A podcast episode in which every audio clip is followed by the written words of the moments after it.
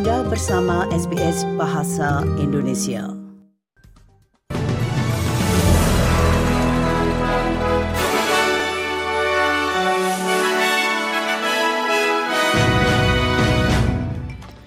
Warta berita SBS Audio untuk hari Rabu tanggal 15 November.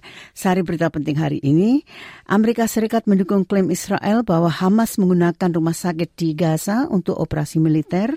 Biro Statistik Australia telah mengumumkan kenaikan upah sebesar 1,3 persen untuk kuartal September dan dalam bidang olahraga, pemain Adelaide United Nestri Iran Kunda berkesempatan bermain di Liga Besar Eropa berita selengkapnya. Militer Israel menggerebek beberapa bagian rumah sakit Al-Shifa di Gaza dalam apa yang disebut oleh otoritas Palestina sebagai kejahatan baru terhadap kemanusiaan.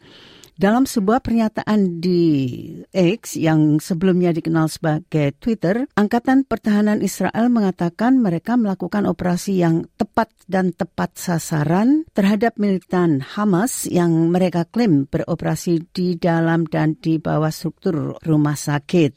Al Jazeera telah mendengar rekaman panggilan telepon yang dilakukan kepada pejabat kesehatan Gaza oleh pasukan Israel sekitar pukul 1 waktu setempat pada tanggal 15 November yang memperingatkan staf medis akan niatnya untuk menggerebek rumah sakit tersebut. Partai Buruh bersiap untuk mengesahkan undang-undang darurat minggu ini di tengah meningkatnya tekanan dari pihak oposisi mengenai penanganan pemerintah terhadap pembebasan 81 migran dari penahanan imigrasi tanpa batas waktu. Para migran tersebut dibebaskan dari tahanan imigrasi sebagai hasil keputusan pengadilan tinggi minggu lalu yang menyatakan bahwa penahanan tanpa batas waktu adalah tindakan yang melanggar hukum. All of these people are now on bridging visas right now um, with strict conditions being placed upon them. So I don't want people to have a sense that um, they're able to uh, operate with, with the kind of freedom that you and I Juru bicara pihak oposisi Departemen Keuangan Angus Taylor mengatakan data baru mengenai pertumbuhan upah mengabaikan kenyataan bahwa telah terjadi penurunan daya beli akibat inflasi. Dan hal ini terjadi ketika Biro Statistik Australia merilis indeks harga upah yang menunjukkan gaji pekerja mencatat pertumbuhan kuartal terkuat dalam 26 tahun sejarah pengukuran tersebut. Indeks tersebut naik 0,8 persen pada kuartal Juni dan 3,6 persen setiap tahunnya. I tell you what matters with wages. What matters is whether those wages can buy more or less than they could a year ago.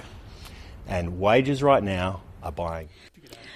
Pemimpin Oposisi Peter Dutton mengatakan dia telah mengirim surat kepada Perdana Menteri memintanya untuk membentuk Kabinet Nasional guna mengatasi meningkatnya antisemitisme di komunitas Australia.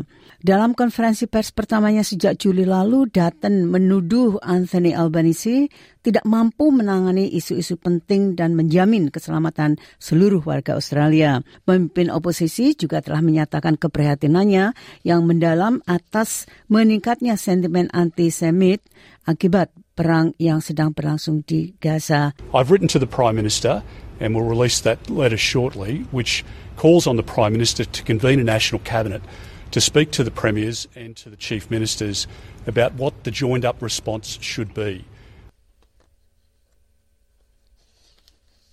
Kepala Keamanan Siber pertama Australia telah dipanggil kembali untuk menangani apa yang disebut masalah tempat kerja terkait dengan masa jabatannya di bidang pertahanan.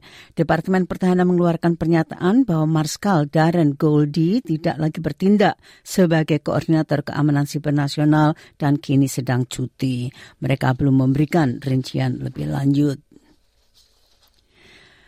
Kepala Staf Presiden Ukraina Volodymyr Zelensky mengatakan pasukannya telah mengamankan pijakan di tepi timur sungai Dnipro di Ukraina Selatan. Pernyataan Andriy Yermak adalah klaim resmi pertama bahwa pasukan Ukraina ditempatkan di tepi timur Dnipro di wilayah Kherson. Pernyataan tersebut disampaikan Yermak dalam pidatonya di depan lembaga pemikir Hudson Institute di Amerika Serikat yang kemudian diposting di situs pribadi Zelensky. Against all odds, Ukraine's defense forces have gained a foothold on the left bank of, uh, bank of the Dnieper. Step by step, we have demilitarized Crimea. We have covered 70% of the distance. And our counteroffensive is developing.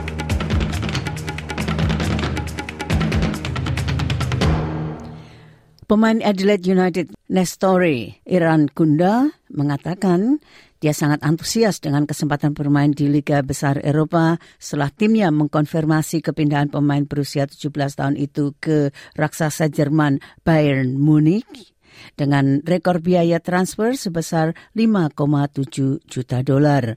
Pemain sayap berbakat itu diizinkan untuk tetap bersama klub Australia Selatan selama sisa musim 2023-2024, bergabung dengan juara Eropa enam kali itu mulai bulan Juli 2024. No, obviously they were happy as well. Um, we all we all trained together to try achieve the same goal, and um, it's, it's everybody's dream to be playing top league in Europe. So it's gonna be it's gonna be great. Yeah. I worked really hard to get this opportunity, so they're all happy for me.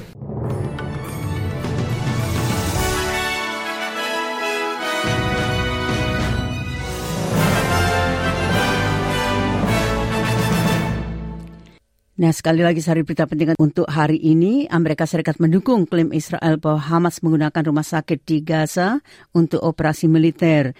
Biro Statistik Australia telah mengumumkan kenaikan upah sebesar 1,3 persen untuk kuartal September. Dan dalam bidang olahraga, pemain Adelaide United, Nestori Iran Kunda berkesempatan bermain di Liga Besar Eropa. Sekian Warta Berita SBS Audio untuk hari Rabu tanggal 15 November. 在这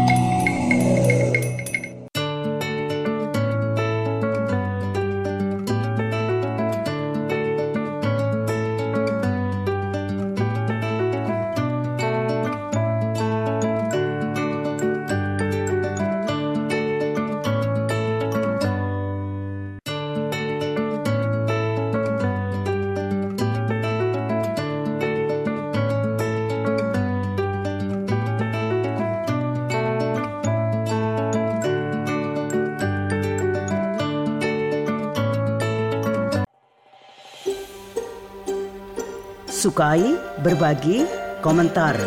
Ikuti SBS program Bahasa Indonesia di Facebook.